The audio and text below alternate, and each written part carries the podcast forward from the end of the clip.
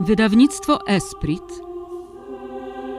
przedstawia podcast na podstawie książki Roberto Allegri.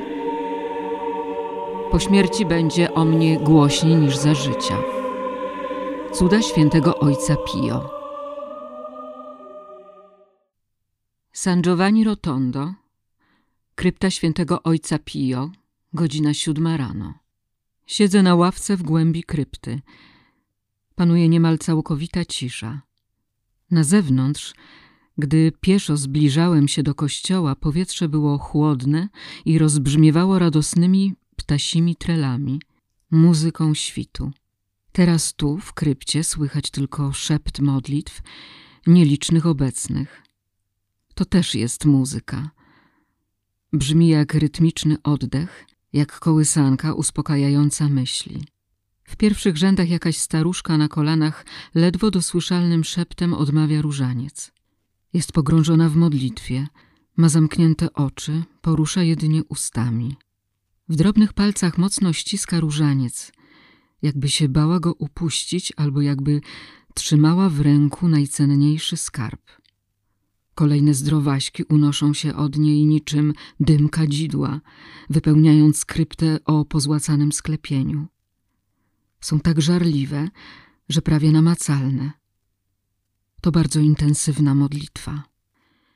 Jest mężczyzna w kombinezonie ogrodnika. Stoi przed trumną z ciałem świętego Pio. Opiera dłoń o szklane wieko. Pragnie kontaktu. Ma pochyloną głowę i zamknięte oczy. Coś mówi. Rozmawia ze świętym. Pewnie zawierza mu jakąś troskę, problem, a może radość. Robi to z prostotą dziecka, które zwraca się do rodzica. Czuje w swym sercu tę samą niezachwianą ufność. Obserwuję ich z boku.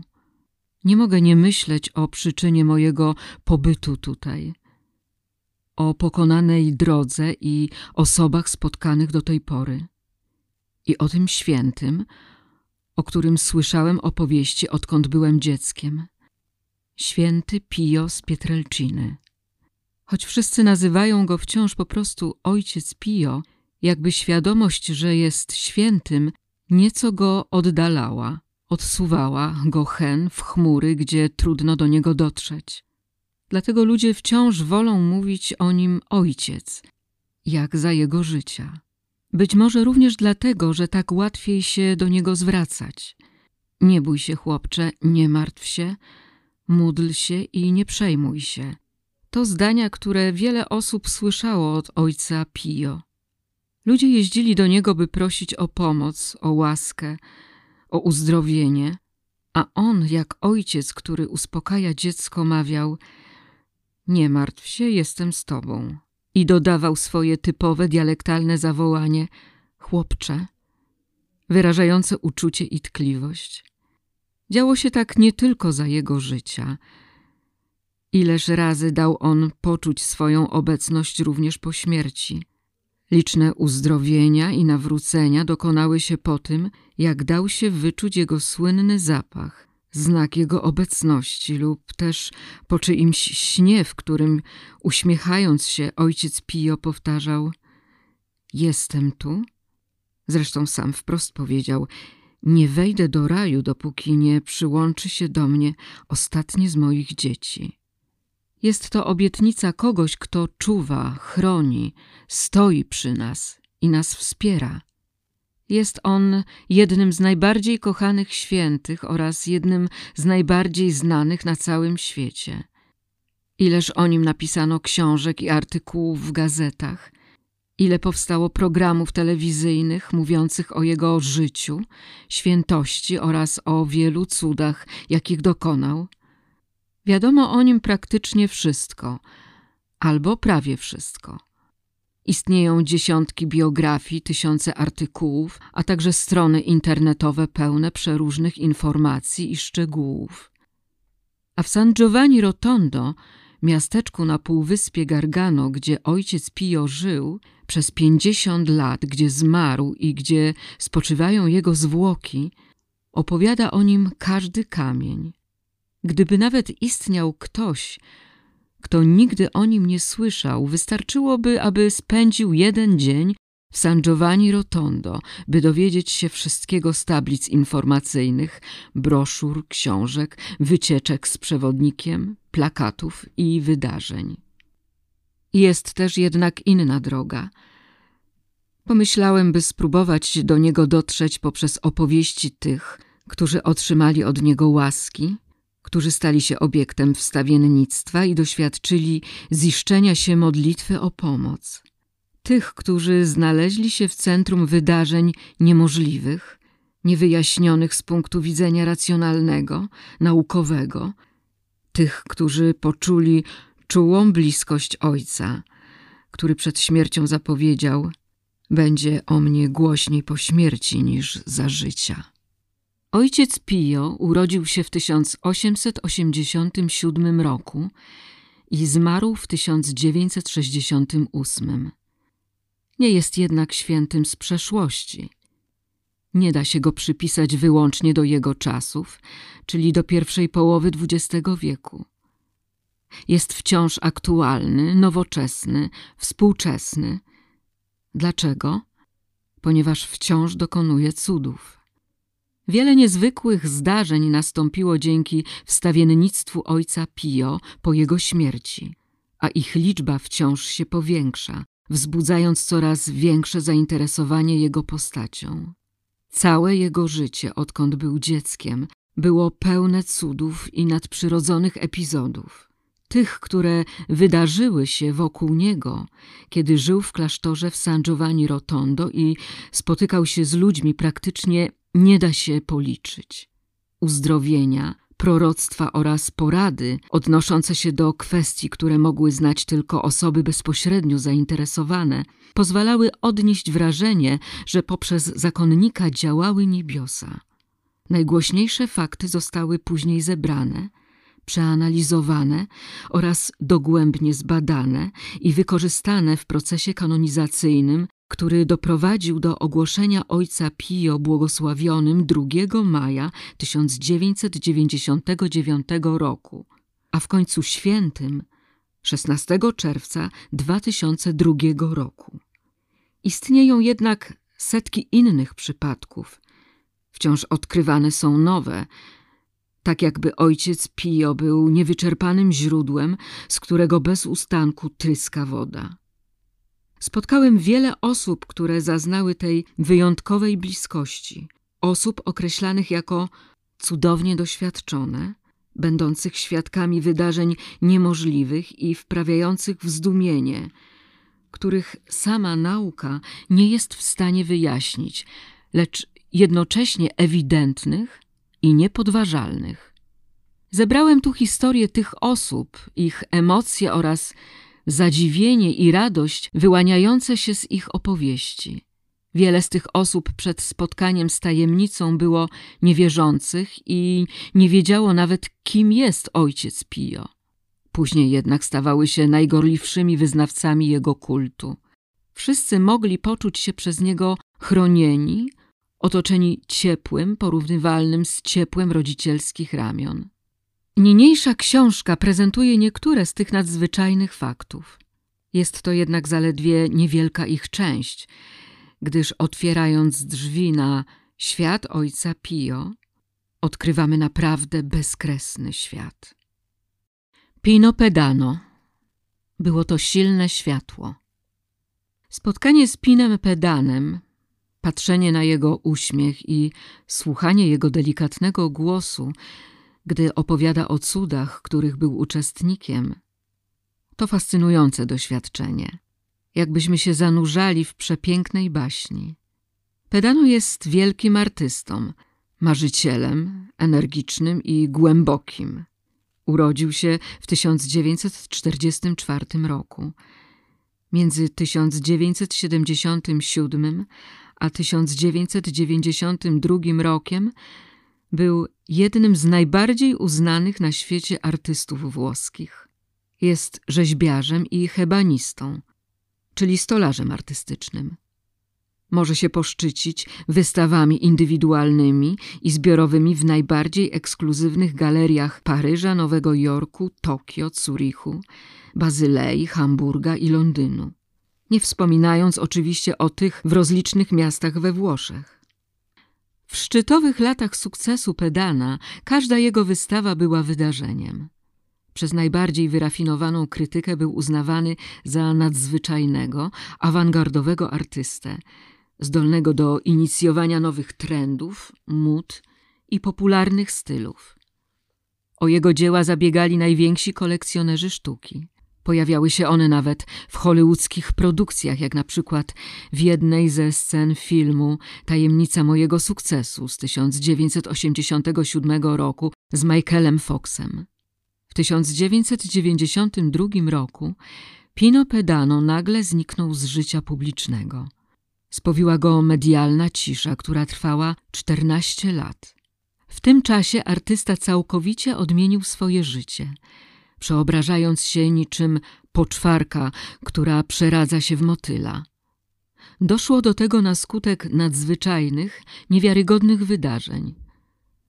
Obecnie Pedano w dalszym ciągu pracuje, organizuje wystawy i poświęca się tworzeniu imponujących dzieł lecz ich tematyka obejmuje teraz wiarę, duchowość i relacje z Wszechmogącym. W rzeczywistości umarłem dawno temu, opowiedział mi Pedano. Uratował mnie ojciec Pio i od tamtej pory jestem tylko robotnikiem, wykonawcą. Autorem wszystkich projektów, które wykonuje, jest ojciec Pio. Jest Bóg, nie ja. Wszystkie wystawy, które organizuję, cała moja praca jest teraz pośmiertna, gdyż nie powinno mnie tu już być. A jednak jestem. Oczywiście jestem inną osobą niż wiele lat temu. Jestem nowym człowiekiem i nowym artystą. To Bóg dokonał we mnie przewrotu. Przez całą moją karierę pracowałem jak szalony, by osiągnąć sukces. Później zdarzył się cud, który pozwolił mi otworzyć oczy na nieznany mi dotąd świat i zacząłem wszystko od początku. Pracownia Pedana w Torricelli di Versate w prowincji Pavia to pracownia ślusarsko-stolarska. Spędziliśmy w niej długie godziny na rozmowach, siedząc na kawałkach drewna wielkich jak głazy, ze stopami w trocinach. Przed nami widniało gigantyczne dzieło, nad którym akurat pracował Pedano, powstające ku czci Jana Pawła II. Nigdy nie poznałem ojca Pio osobiście, opowiadał Pedano, lecz wzrastałem słuchając opowieści o nim. Pochodzę z Sycylii, z Petineo, w pobliżu Mesyny. Moja babcia, rodzice, wszyscy krewni byli czcicielami ojca Pio i zawsze mi o nim opowiadali. Później jednak z biegiem lat przestałem o nim myśleć. Praca, sukcesy, chaotyczne życie w Mediolanie sprawiły, że trochę o nim zapomniałem. Mówię trochę, gdyż kiedy zdarzyło mi się coś nieprzyjemnego, znów o nim myślałem. Nasze decydujące spotkanie miało jednak miejsce w czerwcu 1990 roku. Byłem od niedawna żonaty, miałem już dwoje dzieci. Wszystko układało mi się znakomicie, przynajmniej pozornie. W rzeczywistości czułem się bardzo znużony, jakby pusty w środku. Życie wydawało mi się pozbawione sensu. Miałem wrażenie, że nie wiem, co jest naprawdę ważne. Czułem się zagubiony. Pewnego wieczora przeczytałem artykuł o ojcu Pio i myślami wróciłem do czasów dzieciństwa, do słów mojej babci i mamy. Czułem, jakby mi mówiły: Zawierz się ojcu Pio. Zacząłem się więc modlić. Nagle poczułem intensywny zapach. Obok łóżka leżała sterta czasopism i w pierwszej chwili pomyślałem, że może pośród nich znajdował się flakonik perfum, jakaś próbka, którą dodają w prezencie, zostawiona tam przez moją żonę. Zapytałem ją o to, ale powiedziała, że nic nie czuje i że nie zostawiła wśród czasopism żadnych perfum. Ja natomiast czułem bardzo silny zapach. Oczywiście nawet nie pomyślałem o ojcu Pio. Słyszałem o tajemniczym zapachu będącym znakiem jego obecności, lecz nie myślałem, że mogło to spotkać właśnie mnie. Zignorowałem więc ten fakt, choć w głębi czułem, że ojciec Pio mnie obserwuje. Trudno to wyjaśnić, ale tak właśnie było. W 1992 roku przygotowałem wystawę w Rotonda della Besana w Mediolanie. Było to nadzwyczajne wydarzenie, ale potem byłem wykończony. Czułem się ciągle zmęczony, miałem silne bóle żołądka i traciłem na wadze. Jakiś miesiąc później miałem krwotok i zostałem przyjęty na ostry dyżur. Diagnoza lekarzy brzmiała jak wyrok.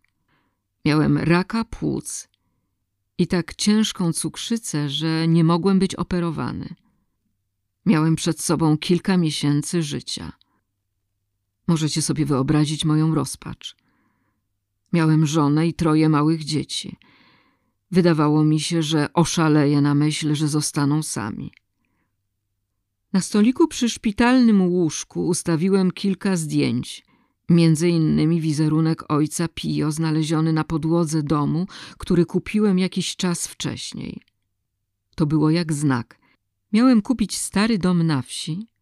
Wchodzę, aby go obejrzeć i pierwsze co widzę na podłodze to zdjęcie ojca Pio. Jak długo tam leżało, czekało na mnie.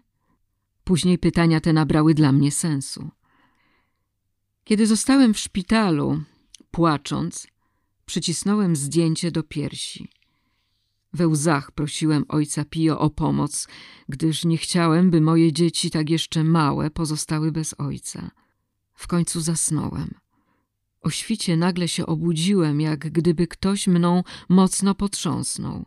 Otworzyłem oczy i zobaczyłem, że pokój był zalany jasnym, oślepiającym światłem, które mnie otulało. I nie tylko. Czułem, jak przenikało moje ciało i oczyszczało je. Wyraźnie odczuwałem obecność ojca Pio. Nie widziałem go, ale to nie było ważne. Byłem pewien, że on był w tym świetle. Następnie światłość znikła, a ja poczułem się doskonale. Chciałem zawołać lekarzy, opowiedzieć o tym doświadczeniu, ale się powstrzymałem. Wzięliby mnie za wariata. Nic więc nie powiedziałem. W dzień lekarze przeprowadzili różne badania, lecz szybko zorientowali się, że po nowotworze nie ma ani śladu. Zaskoczeni dyskutowali, konsultowali się ze sobą nawzajem, martwili się i poddawali mnie nieskończonej liczbie badań. Rak jednak zniknął. Po tygodniu powiedziałem do lekarzy: Nie macie czego szukać. Raka już nie ma. Ojciec Pio przyszedł i mnie uzdrowił. Z pewnością sądzili, że zwariowałem. Ja jednak czułem się dobrze. Wypuścili mnie więc ze szpitala. Po powrocie do domu opowiedziałem o tym wydarzeniu mojej żonie Anette. Wspomniałem o zapachu, który czułem kilka lat wcześniej i światłości, którą widziałem w szpitalu. Ona jednak nie chciała mi wierzyć. Było mi przykro. Kiedy rozmyślałem nad tym, co się wydarzyło, Anette przyszła cała roztrzęsiona i wyjąkała. Poczułam zapach. Akurat się ubierała i myślała, że oszalałem, gdy otoczył ją silny, cudowny zapach. Rozejrzała się, by znaleźć jego źródło. Myślała nawet, że dochodził z zewnątrz. Kiedy stwierdziła, że zapach nie ma żadnego logicznego wyjaśnienia, Pojęła, że był to znak od ojca Pio, aby mogła uwierzyć, że to, co jej opowiedziałem, było prawdą. Przed domem na wsi, gdzie znajduje się również jego pracownia, Pino Pedano w podziękowaniu za uzdrowienie postawił pomnik ku czci ojca Pio. Artysta wybudował ciąg siedmiu dużych nisz, pokrywających niemal całą ścianę domu, ustawionych w półkolu. W każdej z nich umieścił fotografię twarzy ojca Pio w dużym powiększeniu o różnej ostrości. W pierwszej twarz jest ledwie zarysowana, w drugiej wyraźniejsza, w trzeciej jeszcze wyraźniejsza, aż po ostatnią, w której zdjęcie jest doskonałej ostrości. To tak, jakby ojciec Pio stopniowo odkrywał się przed oczami oglądającego. Wyjaśnił mi pedano. Dla kogoś, kto ogląda dzieło z drogi, przejeżdżając samochodem, efekt jest piękny, bardzo sugestywny. Ojciec Pio jawi się niczym wschodzące słońce lub rozwijający się kwiat. Obserwator odczuwa jego obecność, która natychmiast zaczyna dominować. To przede wszystkim oczy świętego przeszywają duszę przechodnia i pozostawiają na niej niezatarty ślad. Pomnik jest naprawdę wyjątkowy. Widać go nawet z bardzo daleka. Przed niszami Pedano pozostawił rozległą przestrzeń ograniczoną drewnianymi ławkami, stwarzającą wrażenie przebywania w miejscu kultu, w kaplicy pod gołym niebem. Przechodnie zatrzymują się, robią znak krzyża, niektórzy przyklękają i się modlą. Przy pomniku stoją zapalone znicze i leżą kwiaty. Ojciec Pio nigdy nie przestał przy mnie być. Jest ze mną każdego dnia, chroni mnie.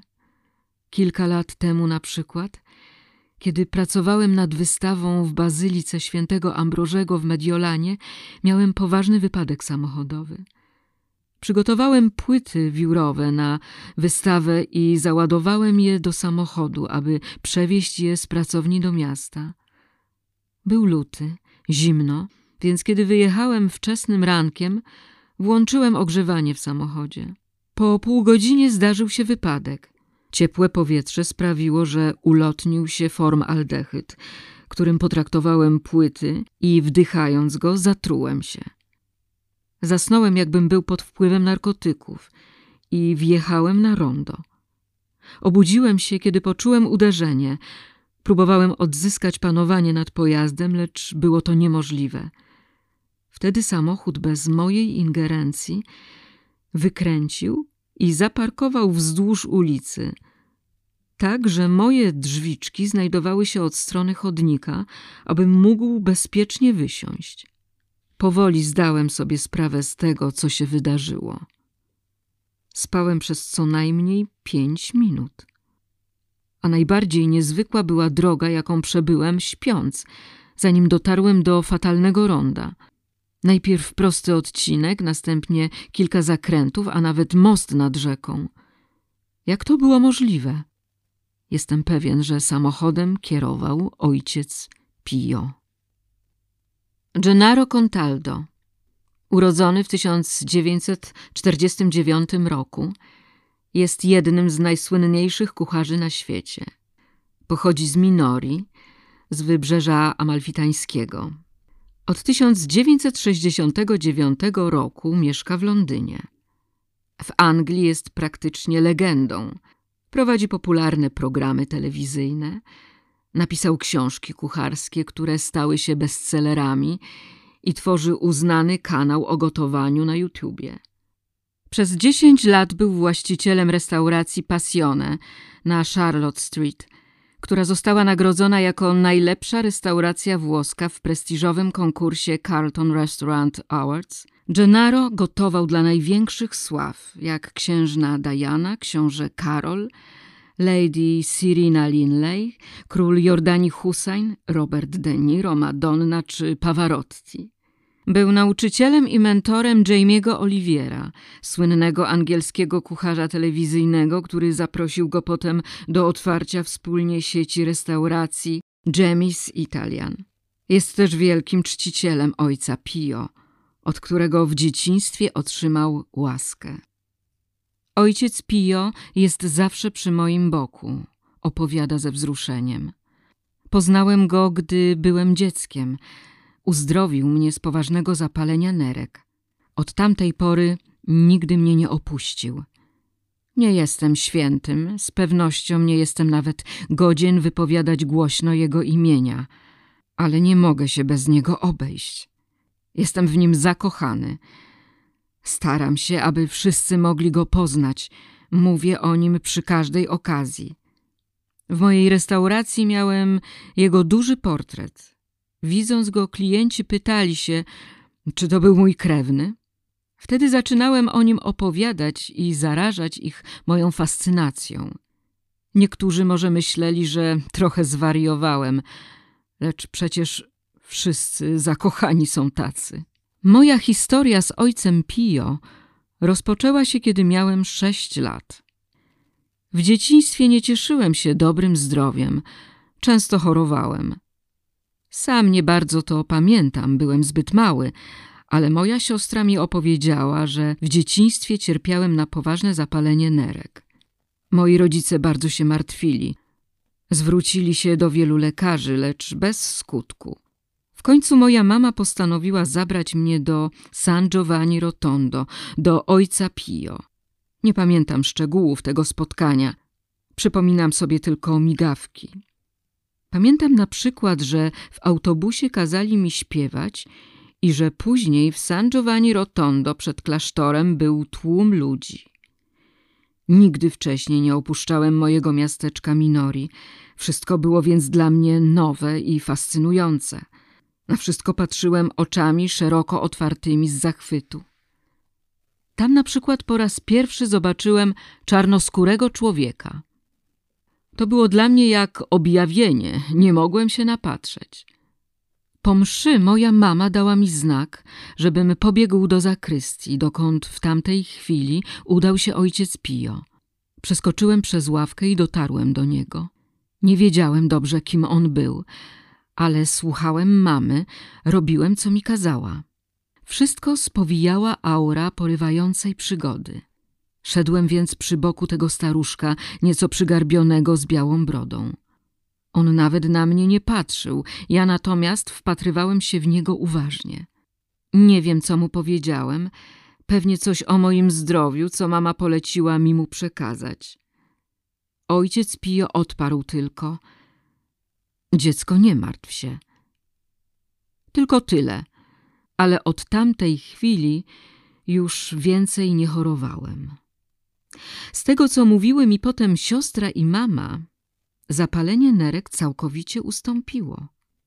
Pięćdziesiąt lat później, podczas pielgrzymki do San Giovanni Rotondo, spotkałem pewną starszą kobietę, właścicielkę lokalnego sklepu. Pamiętała mnie. Ojciec Pio pogłaskał cię, opowiadała. A my wszyscy zastanawialiśmy się, kim jest to dziecko, które zwróciło na siebie jego uwagę. Później dorosłem. Pojechałem do Londynu i zrobiłem karierę. Ale ojca Pio zawsze czułem przy swoim boku, tak jak wtedy, gdy szedłem koło niego do zakrystii. W życiu przydarzyło mi się wiele rzeczy lecz on zawsze był dla mnie punktem odniesienia. Czuję, że pomaga mi w codziennych wyborach, a kiedy popełniam błędy, wydaje mi się, jakbym słyszał jego głos karcący mnie: Ej, chłopcze, co ty wyprawiasz? Nie zawsze byłem wzorem cnót i popełniłem w życiu błędy, jak wszyscy zresztą. Ale zawsze żywiłem głębokie uczucie do ojca Pio i starałem się jak mogłem szerzyć wiedzę o nim. Opowiadam o nim praktycznie wszystkim, których spotykam i obdarowuję ich obrazkami z jego wizerunkiem. Na przykład wkładam je zawsze Jimiemu Oliwierowi do kieszeni, aby święty go chronił. Wieczorem Jamie znajduje te obrazki w kurtce, dzwoni do mnie i śmiejąc się mówi – znalazłem coś twojego w kieszeni. To rodzaj gry pomiędzy nami. On wie już wszystko o ojcu Pio. Na okrągło mu o nim opowiadam. To dobry chłopak i szanuje moją cześć dla świętego. Jak już wspominałem, kiedy byłem właścicielem restauracji Passione, na sali zawiesiłem duży portret ojca Pio. Ludzie wchodzili i pytali, czy to mój dziadek. Zaczynałem więc opowiadać o nim i o jego cudach. Niekiedy ojciec Pio robi mi nieoczekiwane prezenty, znaki, które wskazują na jego obecność. Na przykład pewnego razu poczułem jego zapach. Było to jakieś dziesięć lat temu. Przechodziłem wtedy dziwny okres. Ponury, miałem wiele zmartwień. Nie funkcjonowałem dobrze. Nocami nie spałem, więc zwracałem się w modlitwie do ojca Pio, zawierzając mu swoje myśli. I oto nagle poczułem intensywny, niewyjaśniony zapach. Czułem, że to znak jego obecności, więc bardzo się wzruszyłem. Właśnie mnie, grzesznikowi, pomyślałem. Później jednak przypomniałem sobie, że Jezus w Ewangelii mówi, że przyszedł na świat dla chorych, nie dla zdrowych. Zapach ten napełnił mnie otuchą i odwagą. Kilka lat temu razem z pewnym przyjacielem, kucharzem, robiłem dla telewizji BBC program kulinarny. Nagrywaliśmy w Marsze i tam poznałem irlandzką badaczkę o imieniu Sara. Rozmowa zeszła na temat ojca Pio. Kobieta opowiedziała mi, że jej dziadkowie z Irlandii pojechali do San Giovanni Rotondo i poznali zakonnika. Szybko się z nią zaprzyjaźniłem. Jakiś czas później zadzwoniła do mnie, by mi powiedzieć, że ma dla mnie coś ważnego, co należało do jej dziadków i co chce mi podarować. Przyniosła mi to do restauracji. Było to niewielkie pudełeczko. Natychmiast domyśliłem się, co to takiego. Zrobiło mi się słabo. Nie chciałem tego otwierać pośród ludzi. Poszedłem do kościoła i dopiero wtedy, pogrążony w ciszy, otworzyłem paczuszkę. W środku był kawałek bandaża, którym ojciec Pio ocierał krew ze stygmatów. Omal się nie popłakałem ze wzruszenia. Wydawało mi się, jakbym trzymał w dłoniach prawdziwy skarb. Najpierw pomyślałem, że nie mogę zatrzymać takiej relikwii dla siebie, że powinienem ją podarować jakiemuś kościołowi. Porozmawiałem z pewnym przyjacielem, księdzem, a on powiedział: Skoro ojciec Pio chciał, abyś ją dostał, musisz ją zatrzymać. Jesteś jej stróżem. Drżąc z emocji, postanowiłem więc zachować ją jako mój skarb. Kilka lat później znalazłem się w San Giovanni Rotondo, żeby nagrać kolejny program dla BBC. Przy tej okazji współpracowałem z dziennikarzami z teleradio Padre Pio. Na zakończenie naszej pracy powiedzieli mi, że mają dla mnie prezent. I co to było? Kolejna relikwia ojca Pio. Mam więc teraz dwie relikwie. Z kolei w 2015 roku przyznano mi międzynarodową nagrodę imienia świętego ojca Pio z Pietrelcini. Czułem się, jakby ojciec Pio obdarowywał mnie prezentami. Wprawiło mnie to w zakłopotanie. Dlaczego wyróżnia właśnie mnie? Jestem nikim, jestem tylko kucharzem. Widocznie jednak ojciec Pio pokłada we mnie zaufanie. Nie tracę więc okazji, by opowiadać o nim i o jego dziełach. Zawsze mu się zawierzam. Na przykład przed nagrywaniem programu czy przed występem na żywo w telewizji zawsze wkładam do kieszeni jego zdjęcie i mówię: Kto by się bał z tobą przy boku? Graciela Maina Miałam przed sobą tylko rok życia. Uzdrowienie Gracieli Mainy z Cuminiano sul Naviglio wprawiło lekarzy w osłupienie. Dawali jej maksymalnie rok życia.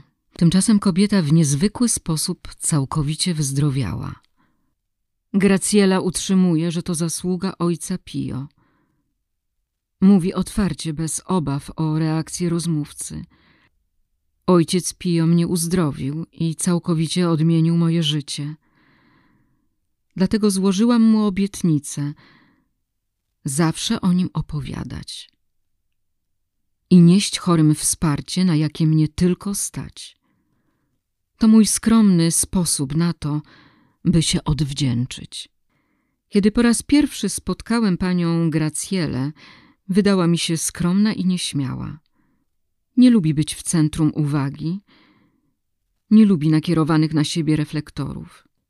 Lecz kiedy zaczyna opowiadać, rozpromienia się, uśmiech rozświetla jej twarz, a ona staje się jak wezbrana rzeka, w której łączy się entuzjazm i głębokie wzruszenie. Oto jej historia, tak jak mi ją opowiedziała.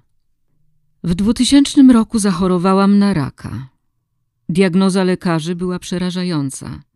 Jeszcze dziś robi mi się słabo na wspomnienie tamtej chwili. Sześć guzów nowotworu złośliwego trzeciego stopnia z naciekami. Dano mi najwyżej rok życia, nie więcej. Był to początek koszmaru. Potworny okres w moim życiu. Miałam przejść cztery operacje, z których jedna trwała 22 godziny.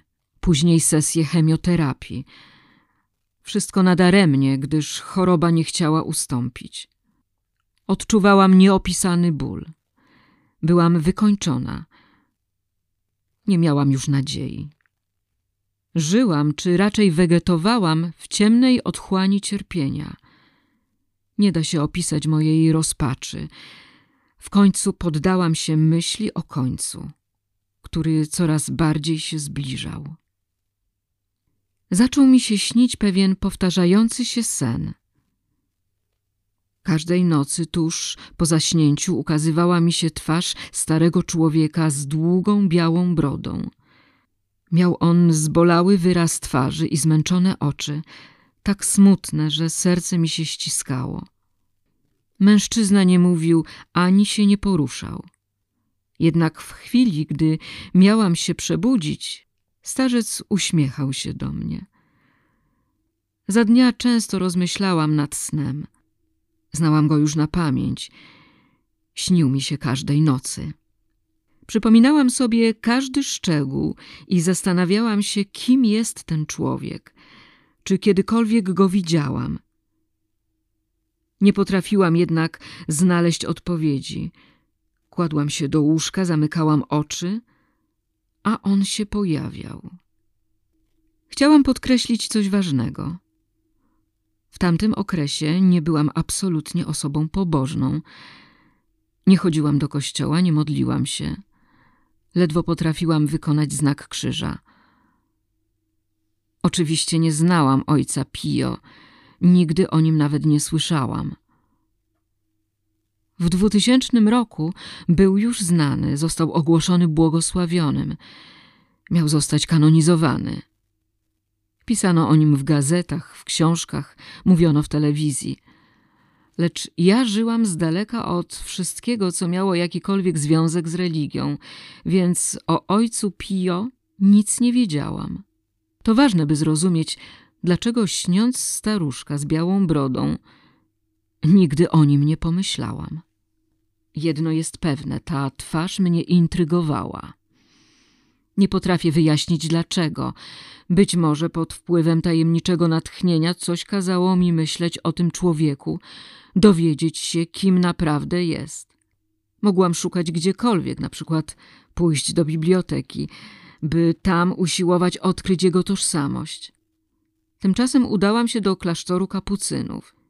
Nie umiem powiedzieć, dlaczego właśnie do klasztoru. Zastanawiałam się nad tym, lecz nie znalazłam powodu. Wiem tylko, że zapytałam zakonników. Porozmawiałam z nimi, opisałam twarz starca, który ukazywał mi się we śnie. Wiesz, kim jest ojciec Pio? spytali. Nie, odparłam. Gdzie on mieszka? Poradzili mi więc, abym poszukała jego historii w internecie. Tak też zrobiłam. Kiedy jeszcze tego samego wieczora na ekranie komputera zobaczyłam zdjęcie ojca Pio, zaczęłam krzyczeć. Mój mąż się przestraszył, myślał, że nagle dostałam jakiegoś ataku. To on, krzyczałam, to on! To ten, którego widzę we śnie każdej nocy. Nie mogłam w to uwierzyć. Był tam, na ekranie, biała broda, krzaczaste brwi, habit i to spojrzenie łagodne i melancholijne – Tamtą noc spędziłam na czytaniu historii ojca Pio, a kiedy nadszedł ranek, podjęłam decyzję. Pojadę do San Giovanni Rotondo. Zapomniałam jednak o pewnym szczególe, mianowicie o mojej chorobie. Nie byłam przecież zdrowa i lekarze od razu odradzili mi podróż. W moim stanie tak długa droga mogła być niebezpieczna. Ja jednak nie chciałam nikogo słuchać. Jeśli mam umrzeć, to lepiej niech to się stanie właśnie tam, mówiłam. Dla mnie liczy się tylko, żebym mogła się dowiedzieć, czego chce ode mnie ojciec Pio. Wierzyłam, że musi być jakiś powód, dla którego każdej nocy widziałam go we śnie. Musiało istnieć jakieś wyjaśnienie i byłam pewna, że znajdę je w San Giovanni Rotondo. Zorganizowanie mojej pielgrzymki okazało się bardzo trudne, gdyż agencje nie chciały brać na siebie odpowiedzialności towarzyszenia tak chorej osobie. W końcu udało mi się wyruszyć, lecz podróż okazała się istną kalwarią. Była dla mnie bardzo trudna. Do hotelu w San Giovanni Rotondo dotarłam wykończona. Natychmiast położyłam się do łóżka, lecz niewiele spałam. Jeszcze przed świtem nagle się obudziłam. Słyszałam, że ktoś mnie woła. Ktoś wypowiedział moje imię i mnie obudził. Panowała całkowita cisza. Jednak ja słyszałam głos, który powtarzał: Chodź, czekam na ciebie przy drugim zakręcie. Nie miałam pojęcia, co miało to znaczyć. Nie wiedziałam, co to za drugi zakręt. Ale nie przejęłam się tym. Głos mnie wzywał i nalegał, i musiałam posłuchać. Żadna z towarzyszących mi osób nie chciała ze mną iść. Mówiły, że to szaleństwo. Nie wiadomo po co wychodzić w środku nocy w moim stanie. Ja jednak się uparłam, byłam tak zdecydowana wyjść, że inicjatywę przejął dyrektor hotelu. Być może wyczuł coś wyjątkowego w moim naleganiu, nie wiem. Sam zaczął popychać mój wózek inwalidzki, na którym od jakiegoś czasu byłam zmuszona się poruszać i zawiózł mnie na drogę prowadzącą do klasztoru, gdzie pochowany jest ojciec Pio. Byłam bardzo osłabiona, pozbawiona siły, głowę trzymałam opuszczoną na piersi, nie patrzyłam przed siebie. Jednak gdy dotarliśmy na zakręt, mój kompan powiedział: Tam naprawdę ktoś stoi. To brat Modestino. Modestino był współbratem ojca Pio, jednym z jego najbliższych przyjaciół. To jemu święty przed śmiercią powierzył misję pośredniczenia pomiędzy sobą a ludźmi. Modestino zmarł w 2011 roku i niedawno rozpoczął się jego proces beatyfikacyjny. Znalazłam się więc w obecności tego drobnego zakonnika, przygarbionego o siwej brodzie i dużych okularach z grubymi szkłami. To pani jest tą kobietą z Kremony? zapytał. Skąd brat wie? Zdziwiłam się, lecz natychmiast odparłam. Tak, to ja Jestem Graciela. Wtedy brat Modestino chwycił mnie za ręce i podał mi różaniec, mówiąc należał do ojca Pio. Ojciec dużo się modlił, ściskając go w dłoniach, a teraz idź, bo on na ciebie czeka. Zabrakło mi słów. To mało powiedziane, ale nie wiem, jak inaczej to wyrazić. To było jak sen, coś surrealnego. Czułam się, jakby zanurzona w cieple. Wszystko było lekko przymglone. Byłam chora, wykończona, wszystko wydawało się takie dziwne. Twarz ojca Pio, głos, który słyszałam, brat Modestino, jego niezrozumiałe słowa, różaniec. Nie mogłam zrobić nic innego, jak tylko dać się ponieść wydarzeniom. Towarzyszące mi osoby zawiozły mnie na grób ojca Pio wówczas jeszcze w krypcie starego kościoła Santa Maria della Grazie. Kiedy się tam znalazłam, natychmiast owionął mnie intensywny zapach. Cudowny zapach kwiatów, który czułam tylko ja. Popchnięto mój wózek na odległość kilku metrów od grobu. Nie wiedziałam, co mam robić. Pozostałam tak w bezruchu i nagle poczułam, że ktoś pogłaskał mnie po głowie. Odwróciłam się gwałtownie, lecz nikogo za mną nie było. Moi kompani pozostali w tyle. A przecież wyraźnie czułam dotyk ręki. Wtedy dopiero podszedł do mnie brat Modestino. Uklęknął przy mnie i zachęcił do wspólnej modlitwy. Nie umiem się modlić, odparłam ze wstydem. Nieważne, powtarzaj za mną powiedział.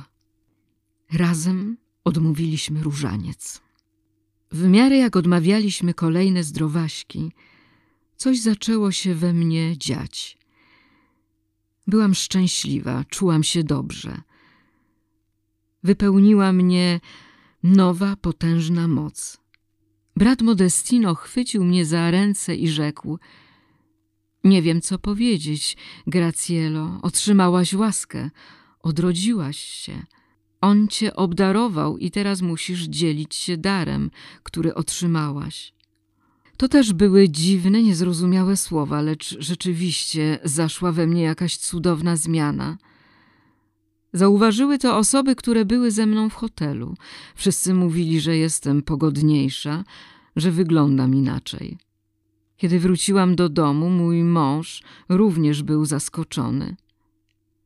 Wydajesz się inną osobą, wyznał mi. Kiedy poszłam do szpitala na zaplanowane wcześniej kontrole, lekarz dokładnie mnie zbadał i powiedział: Nie chce pani robić nadziei, gdyż sytuacja jest wciąż poważna. Jednak jest pewna poprawa. Nie wiem, jak to wyjaśnić, ale jest. Mnie to jednak nie obchodziło, naprawdę. Nie interesowało mnie, czy rak zaczął się cofać, czy nie. Moje życie radykalnie się zmieniło. Modliłam się. Byłam zawsze pogodna, pełna radości, jakiej nigdy wcześniej nie czułam. Nauczyłam się zawierzać. Oddawałam się w ręce Boga i pozwalałam się kołysać jak mała dziewczynka. Nie bałam się już. Czas mijał. W szpitalu przechodziłam różne kontrole i wyniki badań były coraz lepsze, aż pewnego dnia lekarze powiedzieli, że komórki nowotworowe całkowicie zniknęły. Byłam uzdrowiona, uzdrowiona z raka. Najpierw jednak zostałam uzdrowiona ze strachu, ze smutku, z zamętu, jaki wcześniej w sobie miałam. Wtedy zrozumiałam, co było darem, o którym mówił mi brat Modestino. Zorientowałam się, że mam umiejętność rozmawiania z chorymi, pocieszania ich, napełniania ich nadzieją. Podchodziłam do nich z uśmiechem i wspólnie się modliliśmy. Od tamtej pory nieustannie poświęcam się tej misji. Idę tam, gdzie mnie potrzebują, by opowiadać moją historię i rozmawiać z cierpiącymi. Czasami jest trudno, napotykam dramatyczne sytuacje, ale jestem to winna ojcu Pio. Wypełniam w ten sposób złożoną mu obietnicę. Kolejną historię również warto opowiedzieć, gdyż jest naprawdę nadzwyczajna.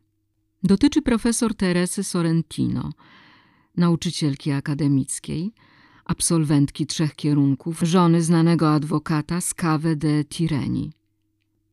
To kobieta rzeczowa, dynamiczna, zwykła twardo stąpać po ziemi. Jest poważna i dokładna, również kiedy opowiada o swoim niewiarygodnym doświadczeniu. Był maj 1998 roku. Tamtego dnia od wczesnego ranka, po późną noc, w całym domu czułam intensywny, słodki zapach. Nie mogłam zrozumieć, skąd pochodził. Nawet nie pomyślałam, że był to zapach ojca Pio, gdyż wtedy nie wiedziałam jeszcze, że w ten sposób zakonnik sygnalizował swoją obecność. Wyznawałam jego kult, lecz niewiele wiedziałam o jego życiu i charyzmatach. Uważałam go jednak za swojego patrona, gdyż wyraz jego twarzy na zdjęciach był łagodny i dobry, wzbudzał we mnie tkliwość i wrażenie czułej bliskości. Jedyne, co mnie interesowało, to fakt, że oboje urodziliśmy się tego samego dnia, 25 maja. Kiedy więc świętowałam swoje urodziny, myślałam zawsze również o ojcu Pio. Byłam pewna, że to znak, który w jakiś sposób łączył mnie z zakonnikiem. W maju 1998 roku, kiedy kilka dni po tym, jak poczułam zapach podczas rozmowy telefonicznej, nagle dostałam jakiegoś ataku. Straciłam przytomność i jak nieżywa padłam na ziemię. Upadając, mocno uderzyłam w telefon i słuchawka wbiła mi się w prawe oko, wywołując duży krwiak i raniąc gałkę oczną. Natychmiast zostałam przewieziona do szpitala. Sytuacja była bardzo poważna. Miałam wylew krwi do mózgu i byłam w stanie nieodwracalnej śpiączki.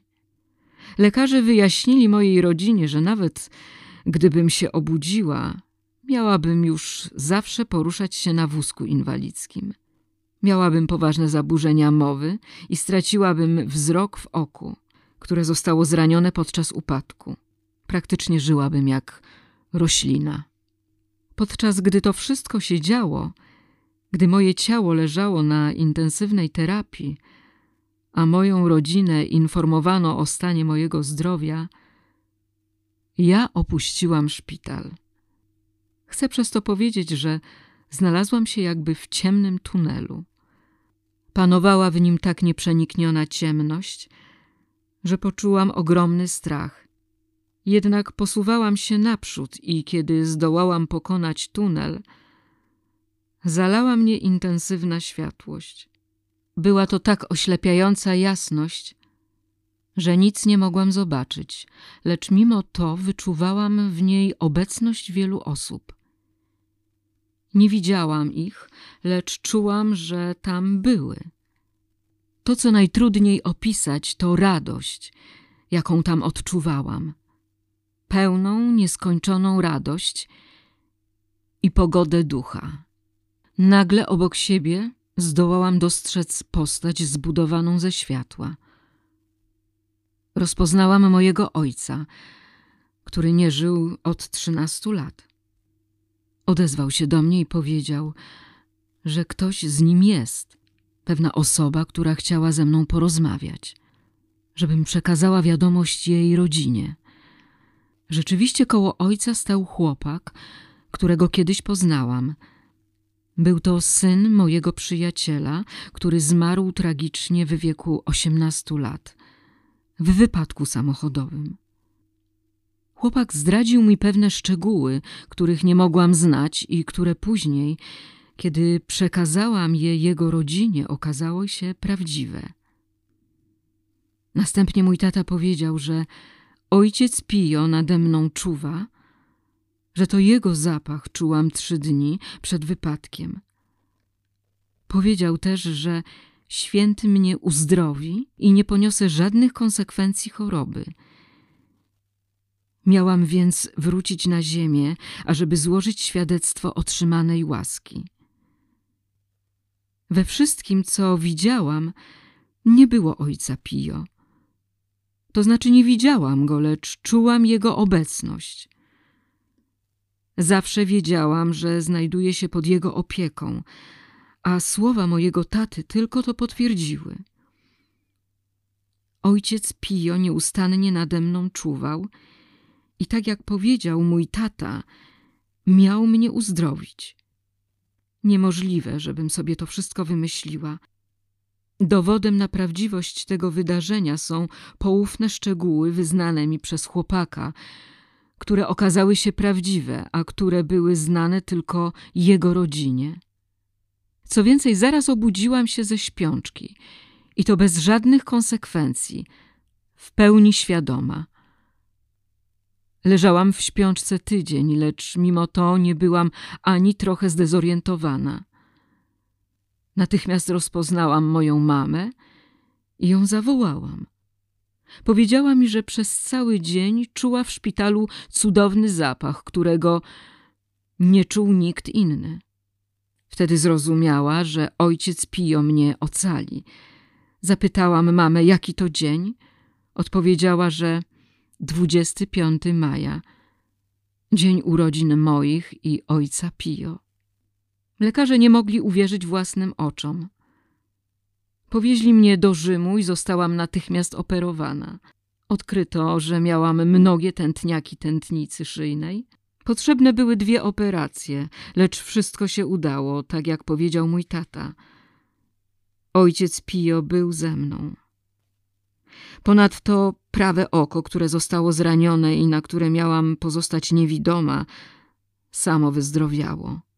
Z badania dna oka wynika, że powinnam widzieć w pięćdziesięciu procentach. Ja natomiast widzę nim doskonale, na sto pięćdziesiąt procent. Robert Davy.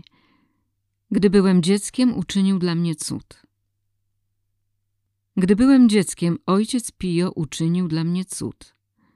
Wyznał mi słynny amerykański aktor Robert Davy, kiedy spotkałem go w San Giovanni Rotondo.